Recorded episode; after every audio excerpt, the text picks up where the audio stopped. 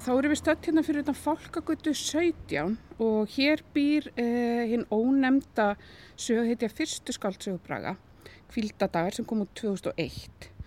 Uh, heimilisfangi er ekki gefið upp í bókinni.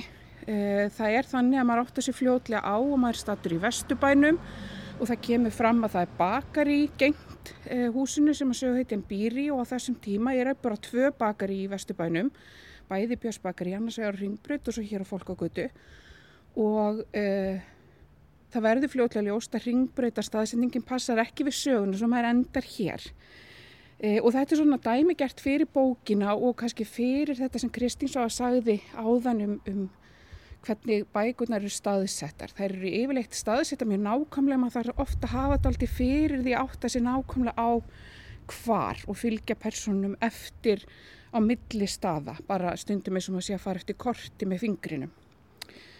Uh, við vitum ekki hvers vegna bræði staðsettur uh, þessa bók hérna, en kannski er það vegna þess að hér á Fólkagötu 17 átti Haldur Lagsnes í búð. Uh, það kemur fram í frétt í tímanu frá 1963 að hann hafi nýlega fest til kaup á íbúð hérna á Fólkagötu 17 og það kemur fram í þessari frétt sem er alveg á forsiðu tímans að að nú sé þetta hverfi svona óðum að verða einhverju svona Hollywood hverfi. Hér búi ótrúlega magna listafólki og leikurum eða e, leikarafólkið eins og segir e, í hérna fréttinni. E, hér á 19 aðeins lengra byggu Helgi Skúla og Helga Bakmann og á 21 Gunnar Eyjálsson, Jón Sigurbjörnsson og Þóra Fyriríksdóttir.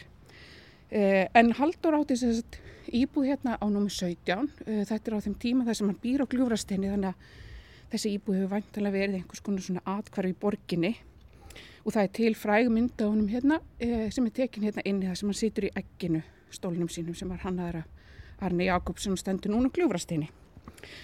En hvort sem það er vegna þess að tengsla við Nobelskaldið sem að sagan er staðsett hér eða ekki þá býr hann allavega hérna. Þessi sögu hetja er eins og ég sagði á þann aldrei, sérst, við vitum aldrei hvað hann heitir í bókinni.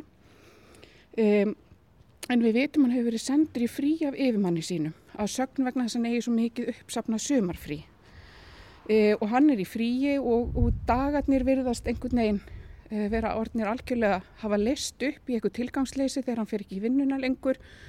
Hann er að spá í hennum smæstu atriðum og við fylgjumst með hann við mjög hverstagslegar aðtapnir hann fer og setur í þvóttavél, hann svarar símtölum og símsölumönnum og svona hverstagslegustu smæstu aðgerir okkar í veruleikunum með einhvern veginn til umfyllinir í þessari bók. Uh, og hann er ekki með stór áform í þessu frí en hann er þó með þau áform að fara í piknik upp í heiðmörg. Uh, hann ætla líka á endurfundi gagfræðaskóla árgangsins og svo býðst honum að leika í stuttmynd eftir kumpánlegan hérna, mann sem hann hittir á bar e, og það er skemst frá að segja að það verður ekkert úr neinu af þessum áformum. E, en þráttur þennan óspennandi veruleika sem er dregin upp í bókinni þá lifir þessi maður e, ríku innra lífi. Hann fyllir upp í þetta tóm sem líf hans er með ímyndum sögum eila.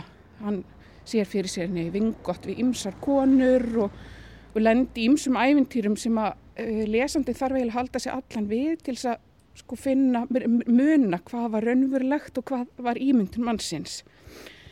Uh, og við sjáum kannski einhver líkindi hérna í því sem við rættum um varandi 16. skákina að svona prjóna upp í tómið og það séu einhvern nátt eftirsokna að vera stað að prjóna upp í tómið og að skaldskapur og veruleiki renna einhvern nátt saman. En það er eiginlega ekki bara personum sem prjónar upp í tómið, það er líka við lesendur því að við fáum fljótlega á tilfinninguna að uh, það sé eitthvað ósagt í þessari sögu eins og Kristín svo að nefndi áðan var þetta sögumann eh, bókarinnar sögumadur eh, að þá, þá verðum ég ábyrgandi við sjáum veruleikan bara með augum þessa mann sem við höfum stundum á tilfinningunni gegnum lesturbókarinnar að hann sé kannski ekki endilega sá sem að e, sé dombær á hans veruleika eða segja endilega alveg 100% rétt frá. Og þetta er kannski svona óljós tilfinning sem að maður hefur Uh, og ég ætla að lesa stuttan kapla á bókin sem að mér finnst kannski maður sjá ágætlega þess þennan þátt í sögunni. Uh, á þessum tímapunkti er söguhetjan uh, búin að vera í bæjarferð. Hann fór til að kaupa bindi eða slöyfu til að nota á endurfundum gagfræðaskóla árgangsins en endað á að kaupa klút, svona flagara klút, silkiklút. Og hann er á leiðinni heim aftur og kemur við í bakarínu hérna á móti, hérna hinn um yfirgötuna sem er nú búið að loka því miður. Og hann verslar í bakarínu en þegar hann er á leiðinni út þá gerist aldrei óvend. Ég genga dyrunum. Þegar ég teki hurðarhúnin og er um það byrja að fara að opna dyrnar sé ég tvær mannesku standa fyrir utan úti dyrnar heima og finnst önnur þeirra kunnuleg. Ég gerir pínuleikla rifi á dyrnar, sting höfðinu út og sé að þetta eru mamma og Andrea sýstir. Þær eru að ringja dyrabjöllinni.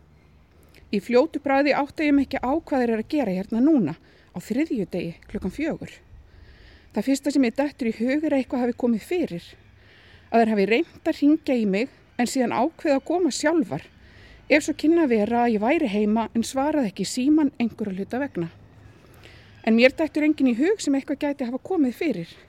Engin nema þær sjálfar. Hugsanlega Dóra. Ég færi mig frá hurðinni út af glukkanum og ákveða að býða smá stund. Andrea ítir aftur á bjöllina og mamma horfir upp eftir húsinu eins og hún sé að leita að mér í glukkanum. Þó veit hún að glukkarnir á minni íbúð snúa út af gardinum hinum eigin. Mér sýnist Andri að banka á dyrnar. Mamma hristir höfuðið og allt í einu snýr hún sér við. Ég forða mér úr glugganum og fel mig á bakvið veggin við dyrnar. Ef til vil hefur þeim bara dóttið í hug svo núti loftið að heimsækja mig. En óneitanlega velja þeir svolítið óþægilegan tíma til þess. Ég er að fara í tökurnar í kvöld og hafi hugsað mér að nota tíman til að máta fött og sjá hvernig klúturinn færi við þær skirtur sem ég á. Nú er spurning hvað við lesum út úr þessum kabla. Kanski er það bara ég en ég les einhvern veginn út úr þessum kabla að mamman og sýstirinn hafi áhyggjur á húnum. Það er séu komnar að banka svona staðfæslega á dittnar og reyna að finna hann vegna þess að þær hafi áhyggjur. Uh, ég veit ekki hvort það er rétt en ímislegt annað í bókinni gefur svo sem til kynna að maðurinn sé jafnvel uh, sjálfur með einhvers konar hugsanir sem að gæti kannski tólka sem sjálfsmórshugsanir. Eh, hann er mikið að plana þessa ferð upp í heiðmörk og hann tengir þá fergjarnan við einhver svona óhugnalega atbyrði sem hann veit að hafi orðið í heiðmörk og hann hugsa allavega á einum tímapunkti um það hvað gerist ef hann komi aldrei tilbaka úr þessari ferð í heiðmörk. E, svo ef til vil e, hafa mamman og sýstin skinja eitthvað álíkuður og orðna hrættar um hann og við fáum aldrei neins svör við þessum spurningum í bókinni. Það er bara lúra þarna einhvern veginn svona undir yfirborðinu og við lesendinni sitjum uppi með gátina og engin sver. E, en næst ætlum við að halda á Hagamel, nánu til teki Hagamel 26.